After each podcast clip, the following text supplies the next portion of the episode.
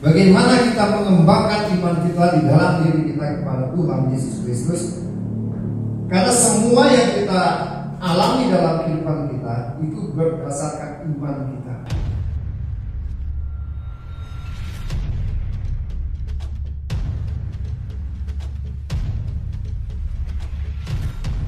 Tidak ada satupun peristiwa yang terjadi dalam kehidupan kita bukan karena iman. Saya mau kasih tahu. Karena iman ini luar biasa dan dasar adanya. Seorang bisa berkata, terjadi maka terjadilah. Karena imannya kepada Kristus untuk menyatakan sesuatu terjadi pasti terjadi. Karena ada tertulis, tidak ada satupun masalah yang tidak tertulis. Oleh karena itu kita lihat firman di Ibrani 11 ayat 6 tetapi tanpa iman tidak mungkin orang berkenan kepada Allah. Jadi orang mau berkenan kepada Allah dia harus memiliki iman.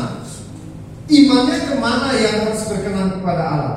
Nah ini rupanya surat Ibrani ini ditulis untuk menyatakan dan menegaskan bahwa setiap orang harus memiliki iman supaya orang itu berkenan kepada Allah.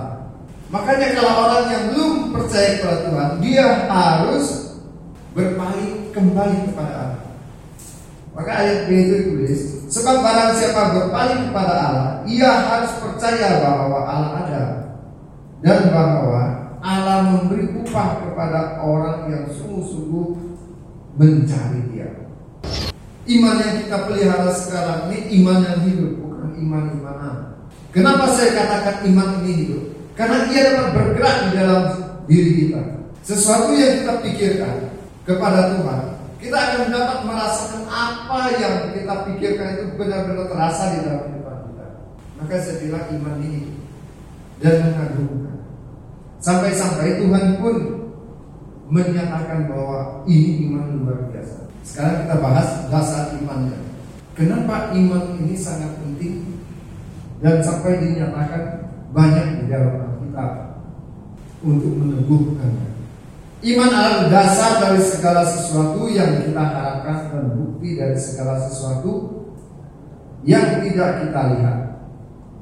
Ini bukti. Dibilang hidup sulit karena nggak terlihat. Dibilang tidak ada, tapi ia menjadi dasar itu iman. Semakin kita mengimani di dalam Yesus bahwa Yesus itu adalah Tuhan, bahwa Yesus telah memberikan segala sesuatu kepada orang yang percaya kepada Dia, maka ia memiliki iman yang hidup. Kapan Tuhan itu memberi sesuatu kepada saya? Saat saya percaya, kapan saya percaya? Saat saya mengakui bahwa Yesus itu adalah Tuhan.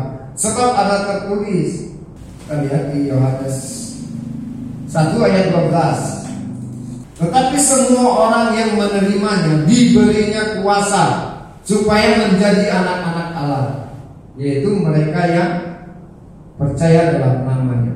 Waktu kita mengenal Yesus lalu percaya, waktu itu Tuhan memberi kuasa supaya kamu menjadi anak-anak Allah. Kalau kita sudah menjadi anak-anak Allah dan kuasa itu diberi, maka kita sama seperti Yesus Kristus seharusnya dan hidup seperti Yesus Kristus itu.